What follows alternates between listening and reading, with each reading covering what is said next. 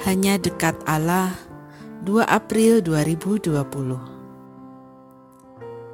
Jagalah aku ya Allah.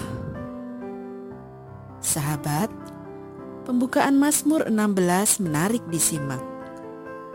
Daud membuka syairnya dengan permohonan.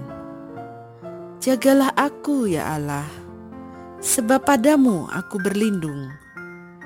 Kalimatnya sungguh logis karena Daud berlindung kepada Allah, maka dia bisa berharap penuh akan penjagaan Allah. Kita hanya mungkin merasakan penjagaan Allah jika kita sungguh-sungguh berlindung kepadanya. Daud punya alasan kuat. Demikian dia melanjutkan mazmurnya. Aku berkata kepada Tuhan, Engkaulah Tuhanku, tidak ada yang baik bagiku selain Engkau. Mazmur 16 ayat 2 Alasannya masuk nalar. Daud berlindung kepada pribadi yang baik. Itulah yang akan membuatnya senantiasa aman. Berlindung kepada pribadi yang kurang baik, itu namanya cari penyakit. Dan bagi anak Isai itu, Allah adalah pribadi terbaik. Sahabat, di tengah-tengah masa prapaskah yang diwarnai dengan wabah COVID-19 ini, kita perlu bertanya dalam diri, siapakah pribadi terbaik dalam hidup kita?